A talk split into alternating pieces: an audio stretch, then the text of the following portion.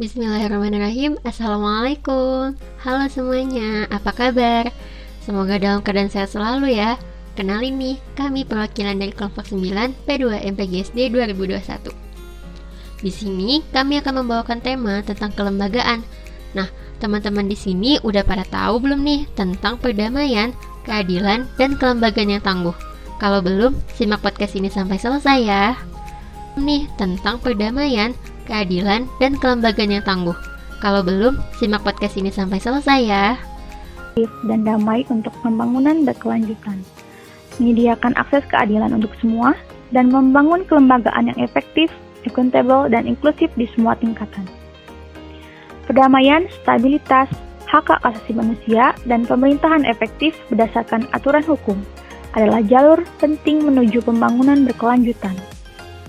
Kita hidup di dunia yang semakin terbagi-bagi. Beberapa wilayah menikmati perdamaian, keamanan, dan kemakmuran, sementara wilayah lain tampak terus-menerus berada dalam lingkaran konflik dan kekerasan. Kondisi ini tidak bisa dihindari dan harus kita ketahui. Dan kekerasan. Kondisi ini tidak bisa dihindari dan harus kita ketahui. Tingginya kekerasan bersenjata dan rasa tidak aman memiliki dampak merusak pada pembangunan negara, mempengaruhi pertumbuhan ekonomi, dan sering kali menimbulkan rasa dendam di antara komunitas yang bisa berlangsung bahkan hingga beberapa generasi. Kekerasan seksual, tindak kejahatan, eksploitasi, dan penyiksaan juga sering terjadi dalam kondisi konflik atau jika tidak ada hukum yang mengatur. Dan dari sinilah negara harus mulai mengambil tindakan untuk melindungi mereka yang berada dalam risiko. Sustainable Development Goals atau SDGs berusaha mengurangi segala bentuk kekerasan secara signifikan dan bekerja dengan pemerintah dan komunitas untuk menemukan solusi jangka panjang menghadapi konflik dan rasa tidak aman. Memperkuat aturan hukum dan mempromosikan hak-hak asasi manusia adalah kunci untuk berjalannya proses ini.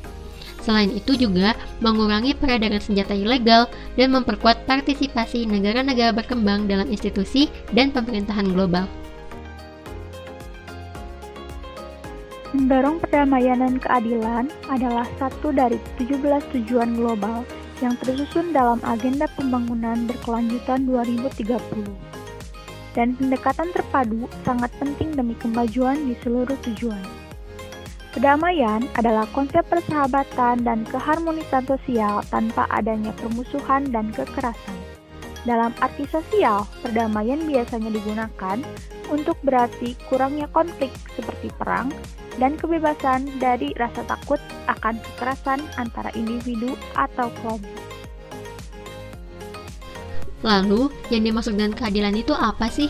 Keadilan adalah penilaian dengan memberikan kepada siapa pun sesuai dengan apa yang menjadi haknya, yakni dengan bertindak proporsional dan tidak melanggar hukum. Keadilan berkaitan erat dengan hak. Dalam konsepsi bangsa Indonesia, hak tidak dapat dipisahkan dengan kewajiban. Lalu apa yang dimaksud dengan kelembagaan? Kelembagaan didefinisikan sebagai suatu sistem badan sosial atau organisasi yang melakukan suatu usaha untuk mencapai tujuan tertentu. Kebijakan, tujuan, perdamaian, keadilan, dan kelembagaan difokuskan pada tiga sasaran utama sebagai berikut. Yang pertama, mengurangi segala bentuk kekerasan terhadap perempuan dan anak.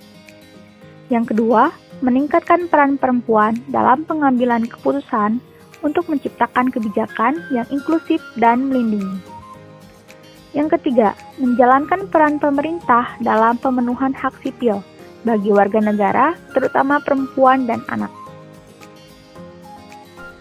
Nah, ini dia yang harus dilakukan dalam rangka untuk mencapai ketiga sasaran utama kebijakan kelembagaan tadi. Yang pertama, meningkatkan akses semua perempuan dan anak terhadap pelayanan yang berkualitas dan mendukung kelangsungan hidup dan tumbuh kembang. Yang kedua, menguatkan sistem perlindungan perempuan dan anak yang mencakup pencegahan, penanganan dan rehabilitasi perempuan dan anak korban tindak kekerasan, eksploitasi, penelantaran, dan perlakuan salah lainnya. Lalu yang ketiga, meningkatkan efektivitas kelembagaan perlindungan perempuan dan anak. Yang keempat, mendorong perempuan untuk ikut aktif terlibat dalam dunia politik. Yang kelima, meningkatkan kapasitas dan skill perempuan yang berpotensi di dunia politik. Yang keenam, mendorong dibukanya kesempatan yang sama bagi perempuan di semua lini kepemimpinan di masyarakat. Yang ketujuh, KIE tentang hak anak kepada seluruh stakeholder yang terlibat.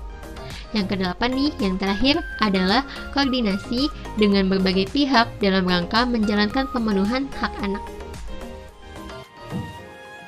Selanjutnya ada target. Target yang pertama, secara signifikan mengurangi segala bentuk kekerasan dan terkait angka kematian di mana pun.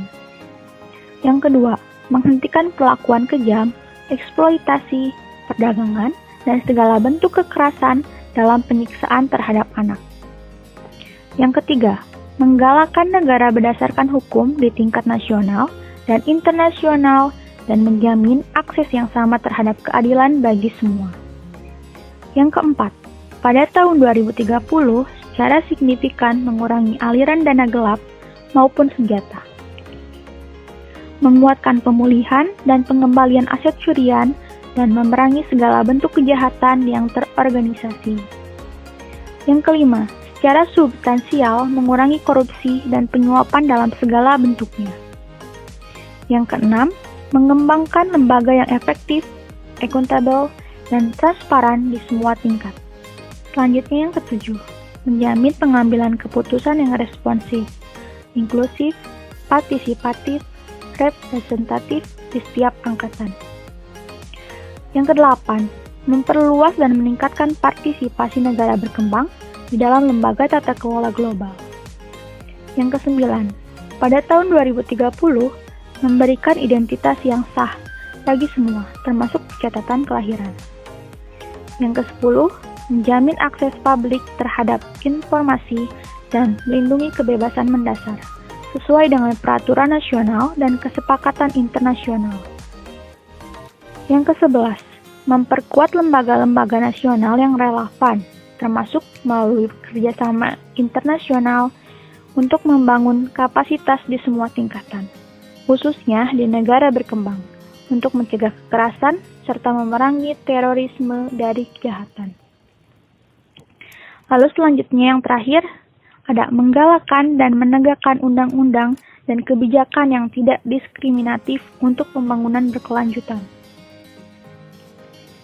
Nah, sepertinya cukup sekian mengenai perdamaian, keadilan, dan kelembagaan yang tangguh yang kelompok 9 bahas kali ini. Semoga apa yang kami berikan pada podcast kali ini bisa bermanfaat bagi kalian yang mendengarkan. Terima kasih.